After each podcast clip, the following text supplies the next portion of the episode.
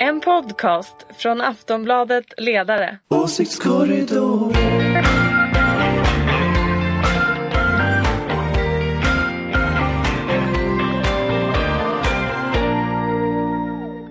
Välkomna till 2021 års första podd från Åsiktskorridoren. Jag gissar att den vanligaste hälsningen på nyårsafton för två veckor sedan handlade om att vi äntligen skulle lämna 2020 bakom oss. Eh, så det kan väl vara på sin plats att inleda det här året med att önska god fortsättning. Eh, med mig här idag för att prata om det som händer i politiken är Ulrika Schenström, moderat, chef för den gröna och liberala tankesmedjan Fores och ett ständigt ankar i våran podd. Hej! Hej hej, kul att vara tillbaka! Eh, här finns också Jonna Sima, socialdemokrat, redaktionssekreterare på Aftonbladets ledarredaktion eh, och en eh, ja, ständigt återkommande person också i podden. Hej! Ja, oberoende socialdemokrat får man väl ändå kalla oss. Ja, ja där ser man. Mm. Får vi se hur oberoende det blir. Anders Lindberg, du, Jag är oberoende. du är oberoende förstås och socialdemokrat och politisk chefredaktör för Aftonbladet. Hej! Hej! Och då vill jag bara lägga till att jag är faktiskt alltid oberoende jag också. Just det, ja men det är riktigt. Vi är alla oberoende i största allmänhet.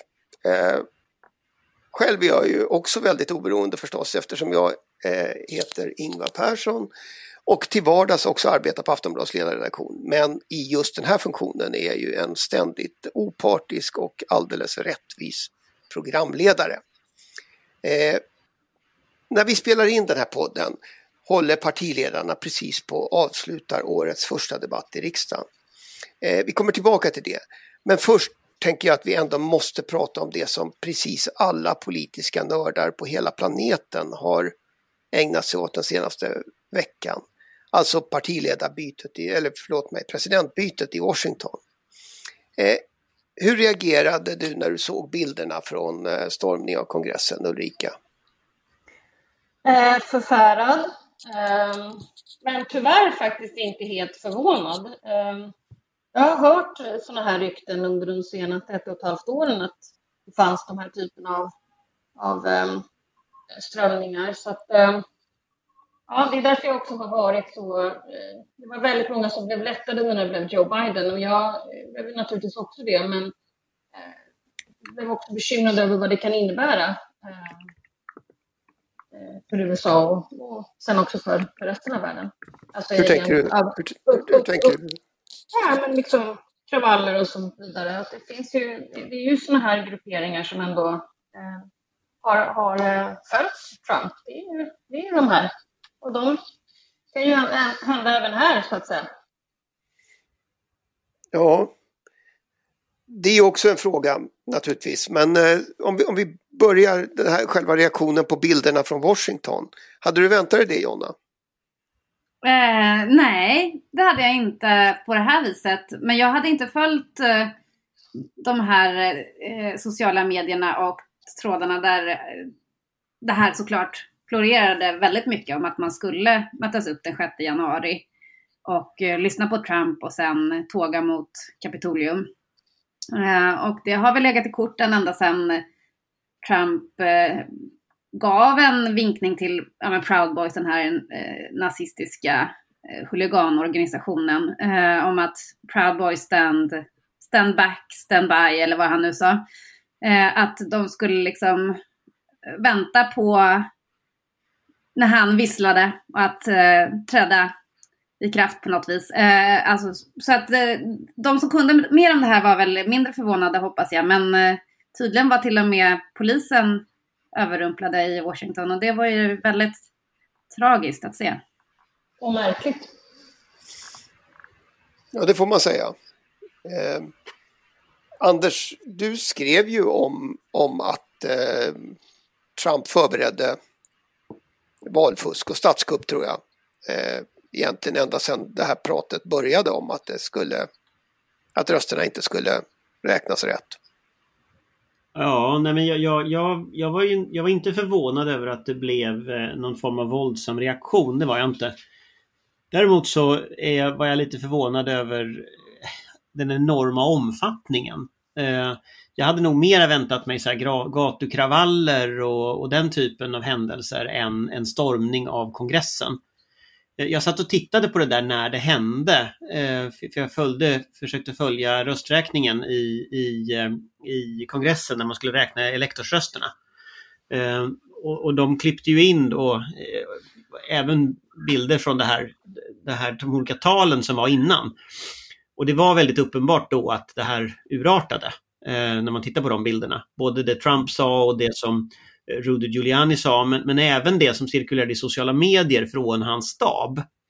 Eh, det, det, tänker man inte på kanske här när man tittar, men, men, men det cirkulerar väldigt mycket från hans barn, eh, från andra aktörer runt omkring.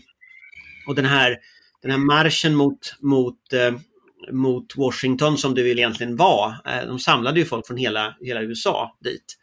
Eh, sen, sen är det ju, alltså, jag, jag, tänker så här att Donald Trumps kandidatur började ju egentligen redan under Barack Obamas presidenttid med den här birther movement eh, som påstod att, att, Barack Obama var född i Kenya. Som ju egentligen handlade om att han var, var en svart president. Eh, den lögnen finns ju kvar fortfarande. Den, den kompletterades ju med liksom lögn på lögn på lögn på lögn. Eh, så det, det, finns ett parallellt universum av lögner som folk tror på och som de här människorna tror på.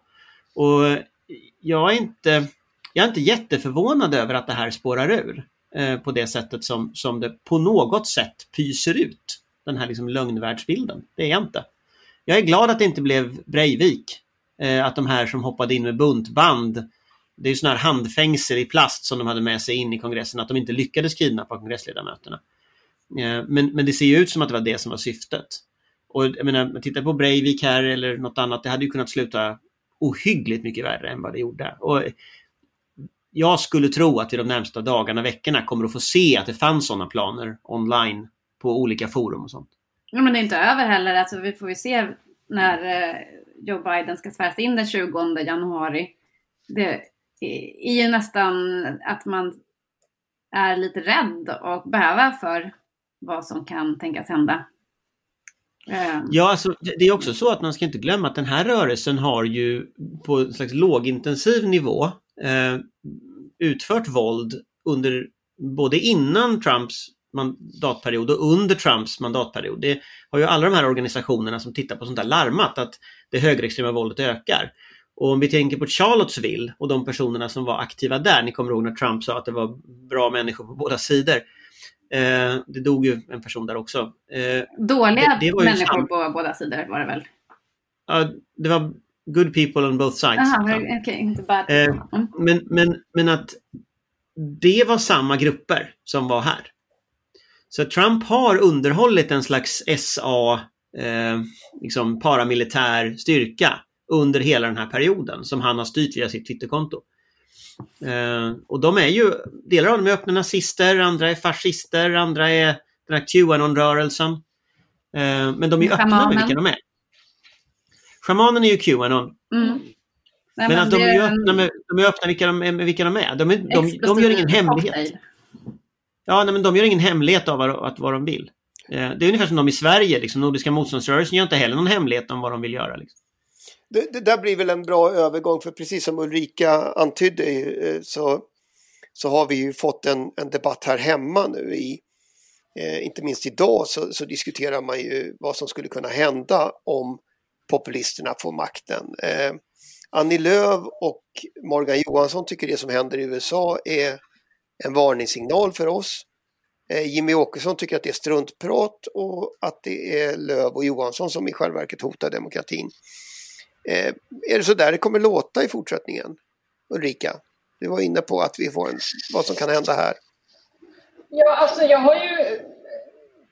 Jag kommer ihåg när Anders och jag faktiskt satt vid riksdagens öppnande i SVT och pratade om ehm, eh, 2020 och kommande liksom, hösten och, och terminen och, och så, så, så, så sa jag det att eh, vi kan ju bråka om LAS fram och tillbaka och det kan vara missförtroendevoteringar och, och, och vi kan bråka om det ena eller det andra men till syvende och sist så ligger det ju något underliggande här som är något helt annat, nämligen hotet mot den demokrati så som vi känner den sedan andra världskriget. Jag brukar kalla det för hotet mot den liberala demokratin som vi känner den. Eh, mm. Och det är ju det det här handlar om. Det är ju det här det här har handlat om hela tiden. Att det finns strömningar som vill ha en annan världsordning. Eh, USA har varit en, en viss typ av polis i världen.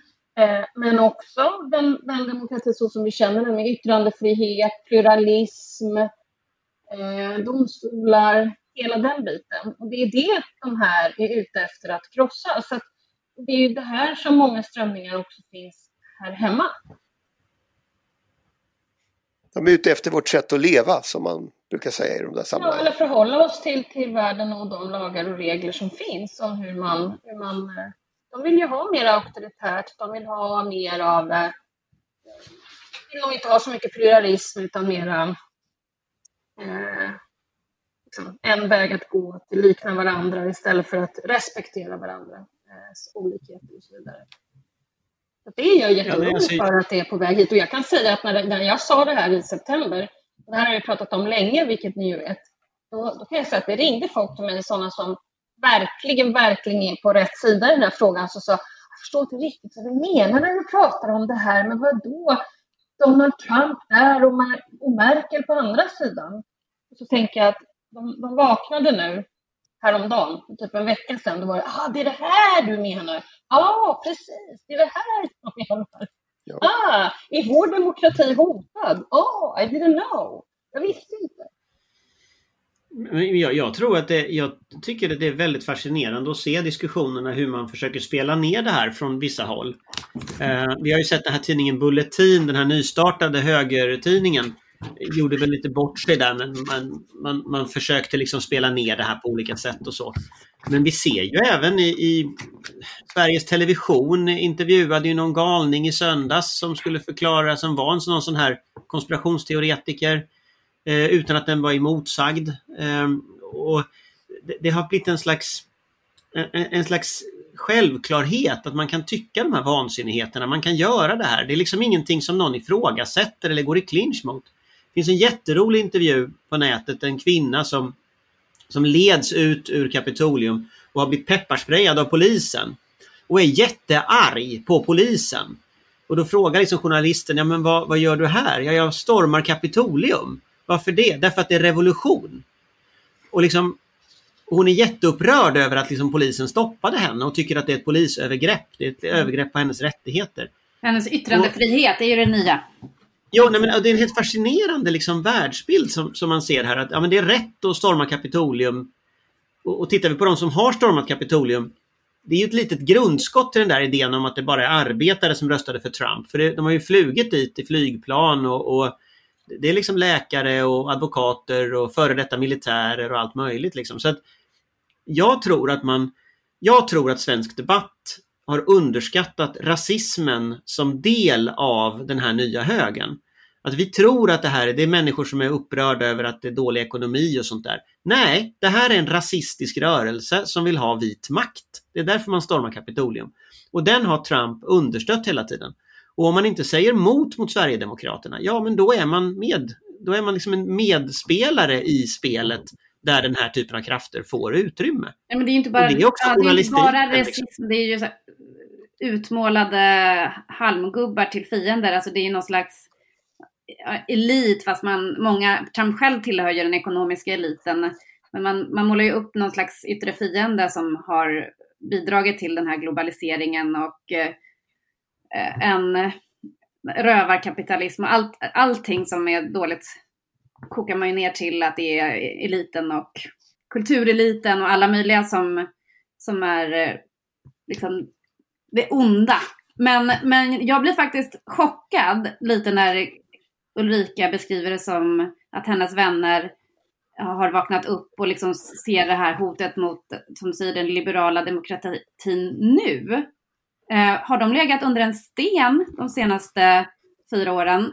Det är någonting som har talats om överallt och väldigt högt. Eh, jag tror att det handlar om att moderater och sådana liberaler som du känner också eh, inte vill inse, inte har velat inse detta och drar sig för att göra det fortfarande för att det är precis som med Trump och Republikanerna, att det är vägen till makten. De har ju, han har ju lindat liksom alla runt sitt lillfinger. Ingen har vågat stå emot honom. Det är Mitt Romney liksom. Men, och nu kommer det några fega krakar som, som vågar resa sig och säga att, att eh, Trump är en... Uh, ja. Men Jonna, tror du inte att jag känner vanliga människor? Tror du jag bara känner folk i etablissemanget? Nej, men, nej, men menar inte, det behöver inte vara etablissemanget. Det, här men man, det, är klart nej, men det här är ju människor som inte är politiskt aktiva, som inte är intresserade av politisk debatt, som inte är intresserade av sådana saker som jag, som, som jag har pratat med och som jag har känt sedan jag var, jag var barn. Alltså människor som inte är och läser allting som handlar om politik tiden. Kanske är intresserade av andra saker. Jag pratar inte, jag vet faktiskt inte om de är varken moderater, liberaler, socialdemokrater eller kanske miljöpartister eller vänsterpartister. Alltså, vanligt folk har inte riktigt hängt med i det här, men, men många i etablissemanget har hängt med i den här diskussionen. Det är det jag försöker jo, men... säga. Att jag tror att det är ganska Det kan vara så att, att en del som att, inte är så politiskt intresserade så, inte har hängt med i just den här nej, men det är de globala trenden. Men, det är de jag pratar om. Men eh, det finns ju också en skygglapp, skygglappstaktik bland moderater Jo, jo. men hörru du, liberaler, var det inte just sådana. Att inte vilja se sådana. den här tendensen ja. hos det stora stöd. Fortsätt det där, vill Ja, bra. Nu tänkte jag mest på de som är vanliga väljare, Jonna. Sådana som mm. faktiskt ska upplysas. Och nu har de kanske förstått lite mer och det tycker jag är bra. Det, och dessutom, jag, dessutom jag, tänker, jag tänker en sak om det som är... Jag tror att det finns ett element av önsketänkande sedan ganska lång tid tillbaka om det här. Jag tänker på den här debatten nu om det var en statskupp i USA eller inte. Det var ju någonting vi här i podden konstaterade redan när Trump sa att det här valresultatet, liksom, han ljög vidare liksom och sa att valresultatet inte var, att det var lögn och så. Och då sa vi att det här kommer att bli en statskupp. Eh, nu har det blivit det. Men fortfarande så pågår någon slags underlig diskussion om, ja men är det verkligen en statskupp när han säger att valresultatet var fejk? Är det verkligen en statskupp när han försöker ändra valresultatet genom olika konstiga administrativa domstolsprocesser, demonstrationer och nu slutligen att man stormar Kapitolium. Liksom. Någonstans längs vägen blir ju påståendet att detta inte är en statskupp löjligt. Mm. Och, och, och jag tror det finns en förnekelse av hur farlig Trump var. Samma förnekelse finns om hur farlig SD var. Nej men det finns ju någonting i så här, bara för man inte har mustasch som Hitler så är man liksom inte nazist. Alltså det finns något, så här, något gammelmodigt sätt att se på fascism och nazism och, och även statskupper. De ska se ut på ett visst sätt annars så, så är det inte det. Men... Det var någon på Twitter som skrev att de måste komma från coup d'etat-regionen i Frankrike annars är det ingen statskupp. Ja precis. Eh. Kan man göra statskupp i en björn, päls och horn? Ja tydligen. Men det är något nytt. Och Torshammare. På. Nu, blev det ju ingen, nu blev det ingen, det var väl snarast ett kuppförsök åtminstone tills vidare, men ja. eh, ändå.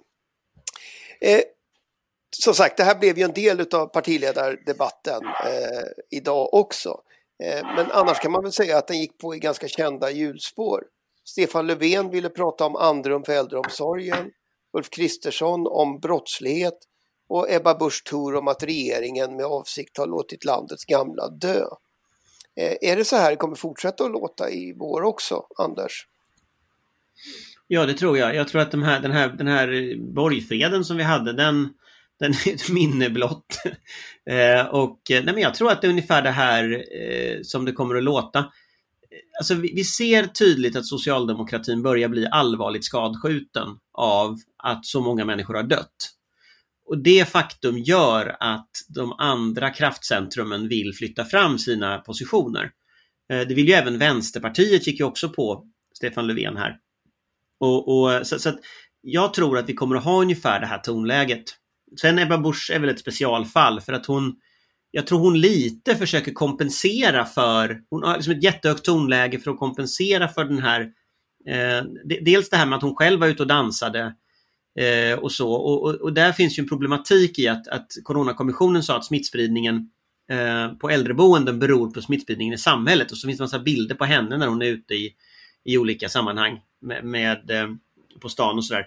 Det är klart hon kompenserar ju det och tar i och klättrar upp på liksom partiledardebattens höst, högsta häst. Jag tror det är en farlig strategi, men, men det är som hon gör ju det. Sen, sen, sen, tänker jag att den som inte var i debatten är ju egentligen den, den mest sårbara här och det är ju Nyamko Sabuni. Som inte är med i debatten och nu börjar hamna någonstans bra bit under 3 2, jag kommer inte ihåg vad det var. Det var, lä, det var lägre än folköl i alla fall nu. Så att, så att, så att liksom hon når inte upp till folköl längre. Och det, hon är ju, det är ju en intressant fråga vad som händer med det partiet. Liksom. Du är snart nere på sidernivåer. Lättöl är väl är det 2,2 eller något? Ja, precis. Lättölssiffror. Ja. De är inte roliga att hamna på. Vad tror du Ulrika? Är det, är det här liksom en, en debatt? Nej, men det är klart att debatten kommer att se ut ungefär så här. Sen tror jag det bara kommer att bli värre. All, alldeles beroende på hur, eh, hur, hur det här kommer att utvecklas. Men jag kan säga så här, den som har sista ordet kommer inte ha sista ordet förrän det här är klart. Eh, och vaccineringen har gått igenom. Så att jag menar, de kan ju stå och tjata här och, och gapa och skrika till varandra och hoppa på varandra, vilket jag tycker är, eh, ska man vara lite strategisk och smart skulle man ju ha väntat tills det här är över, där man ser hur regionerna har klarat vaccineringen, där man ser hur, hur det hela här faktiskt har sett ut. Så att jag, jag, jag skulle ju ha väntat med kritik och eh, gapande tills vi ser hur det verkligen har sett ut, tills det här är över. Jag tror inte att det blir bättre. Jag tror inte svenska folket känner sig lugnare och känner större tillit till samhället av att politiken i ett sånt här läge eh, håller på och bråkar. Och eh, ja, vi får väl se eh, hur, hur regionerna kommer att klara det här. Jag har sett på lite kommuner och sånt där, där, där till exempel mina svärföräldrar redan är, vet om att de ska få vaccin och så vidare. Men det är små, små orter. Så får vi se hur de här större regionerna klarar det här, Stockholm, Göteborg, Malmö. Det är klart att det är mer komplicerat. Eh, men jag är nog hyfsat eh, lugn i det här. Jag tycker inte att man ska hålla på och skrika förrän man vet vem som faktiskt har burit ansvaret och hur, hur det här har gått till. Eh, utan det är bättre att skjuta när man har någonting att skjuta mot och kanske ha någon, något, någon ammunition också, så att säga. Det är lite i den, i den andan. Jag, jag noterade ju att både Ulf Kristersson och, och Ebba Busch hade som bärande teman att, att regeringen borde avgå eller kliva åt sidan eller sådär. Eh, jättebra idé att man inte har någon samhällsförhållandes funktion som fungerar mitt i en pandemi. Alltså vad menar man egentligen? Riksdagen ser ju ut som den gör. Jag vet inte, men det är väl antagligen så att man tycker att man ska ta sig igenom debatten, man ska synas i media, man ska få plats. Och det är klart att jag tycker ju bara att så här, ja, det finns säkert massor med saker som regeringen gjort fel i allra högsta grad och folk är säkert oroliga över att det är så många som har dött. Men låt oss ta det när, när det här är över istället, om vem som bär ansvaret för vad. Istället för att göra människor kanske olyckliga, kanske rädda och kanske känner att eh, de har allt mindre tillit till samhället. Det kommer ju bara skapa att de här krafterna som är emot den liberala typen av demokrati så som vi känner den sedan andra världskriget kommer att kanske hänga på det där. Och vad jag är väldigt oroad för just nu, det är de här antivaccinmänniskorna som börjar dyka upp också att usch, nu ska vi inte ta vaccinet heller för att det är bara dåligt. Var, varför då? Jag kan ja, men... förstå att det finns grupperingar som tyckte att det var obehagligt sen, sen, eh, eh men, sen svininfluensan eller om det var fågelinfluensan. Absolut. Men jag tror, jag tror inte på att hålla på och bedriva någon slags kampanj på att vi inte ska ta vaccinet. Det tror jag inte kommer att lösa den här pandemin. Jag tror att detta är jag tror att detta är någonting som också är precis samma grupperingar som driver, nämligen misstroendet mot samhället. Samhället kan inte leverera. Eh, eh, vaccinet kommer inte, det är fel saker och det finns en massa konspirationsteorier när det gäller de här vaccinet. Och det är precis samma, den debatten kommer att komma, jag lovar. Tydligen är eh, eh, svenskar som är engagerade i, i den här konspirationssekten Qanon de är ofta anti-vaccin också. Men, nej, men jag håller faktiskt inte heller här med Ulrika, utan jag tycker att det är bra att eh, debatten går hög kring coronastrategin, för den gör det bland människor. Det vet vi ju alla hur man diskuterar, det är när man diskuterar om hur man skulle hantera den här pandemin. Eh, så det går inte att liksom ha en borgfred under, hela, under en hel pandemi som pågår över ett år. Det tror inte jag, jag på. Jag tror att det är skadligt för politiken. Eh, men däremot så, så det här som du tog upp där Ingvar, alltså avgångskraven. det tycker jag man kan vänta till i så fall till vi har någon slags ljus i tunneln på den här situationen. Eh, för just nu så vill ingen uppleva ett nyval eller ja, men, stora, stor oro och eh, osäkerhet. Utan eh, det blir bara tramsigt. Men däremot så tycker jag det är absolut bra och relevant med, med kritik kring strategin och hur, ja, nu med vaccineringen, hur den ska gå till och sådär. Det är så det kan bli bättre. Men jag tänker också en annan sak med det, som, det, det här med förtroende för myndigheter och så. Jag tror ju att, jag tror att den, det, vi får inte hamna i ett läge när folk bara säger att det här är misslyckat. Eh, för, för, det är heller liksom, det är inte sant. Eh, det är klart att det är ett misslyckande att 10 000 människor snart har dött. Eh, problemet blir ju bara det att om man inte jämför det med andra länder och andra tidsperioder så framstår det här ju som helt obegripligt. Men tittar vi på läget i Storbritannien till exempel, som Ebba Busch Thor lustigt nog lyfter fram som ett föredöme, så är de inne på sin tredje lockdown och det är en, en ser nästan ut som att sjukvården håller på att kollapsa. Det är en enorm dödlighet som vi har. Tittar vi på Belgien så har de haft en lockdown sen, sen i början av mars inledde de en lockdown. Och i varierande grader av, av enorma tvångsåtgärder så har man högre liksom, dödlighet än här. Tittar vi Frankrike, Spanien och så vidare. Så att, så att om lockdown hade varit lösningen så hade ju det inte sett ut som det gör i de länderna. Och det gör också att jag saknar någon som pressar de här, den oppositionella, liksom, de politikerna. Ja, men vad skulle ni gjort konkret då? Exakt. Vad är det liksom det konkret som, som ni vill ändra på? Liksom? För det är det här som är så dumt. Va? Därför att man kan kritisera, men då ska du också ha tillräckligt mycket kunskap för att tala om vad man också kan göra istället. Och det har jag inte hört någon ha någon som helst idé om. I morse hörde jag att eh, jag tror faktiskt att det var Kristersson som sa, vad, vad, ska man göra istället då? Ja, mer, mer hängslen och livrem. Men, men vad är det för konkret åtgärd som kan hjälpa eh, situationen? Och det är det här jag menar, att ska man någon gång, om man nu tycker att det är så viktigt att vinna opinion på en kris, då kanske man ska vänta tills man vet ett, vad man kunde ha gjort bättre, för att kunna vinna det långsiktigt. Och det är det jag menar, visst, det är väl jättebra att man kan ha eh, systemkritik, men då ska man också veta vad man är för, inte bara tala om vad man är emot. Men där kommer ju också en intressant grej, för det var likadant på Folk och Försvar i förrgår som vi inte hinner prata om här, men som, som jag då var på. på. Jag vet, men som jag då faktiskt var på. Men kan jag råka för din egen podd, Anders? Ja, men, men det var inte så många som var där. Det var inte så många som var där i alla fall. Eh, men, men de som var där fick lyssna på Ulf Kristersson som krävde, efter att ha stormat mot denna totalt havererade strategi, säger att vi ska ha mer precisa åtgärder.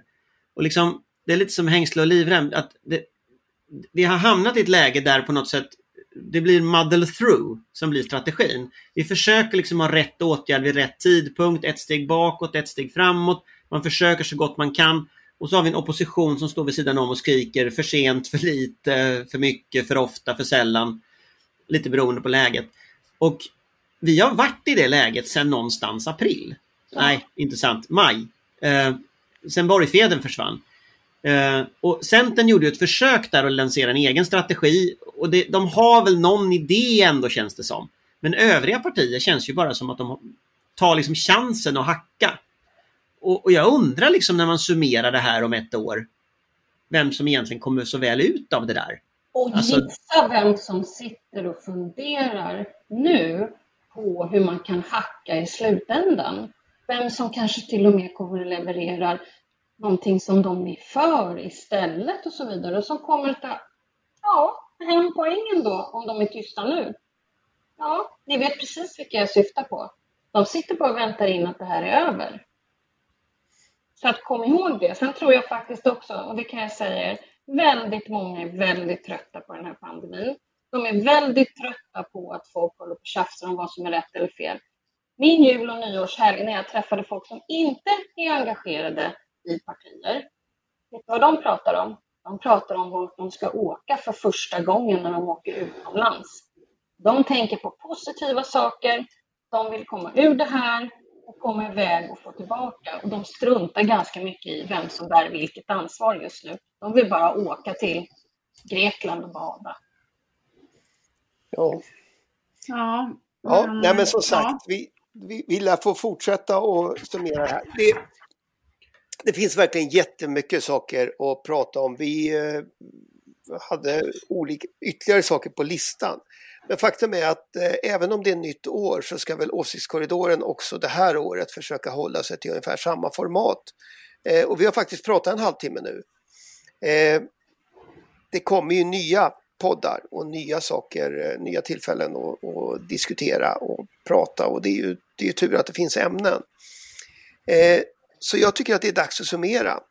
Eh, och då är det väl bara för oss från Åsiktskorridoren och eh, tacka så mycket och dessutom önska en god fortsättning på 2021.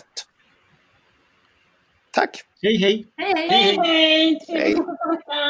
Hej! En podcast från Aftonbladet Ledare. Åsiktskorridoren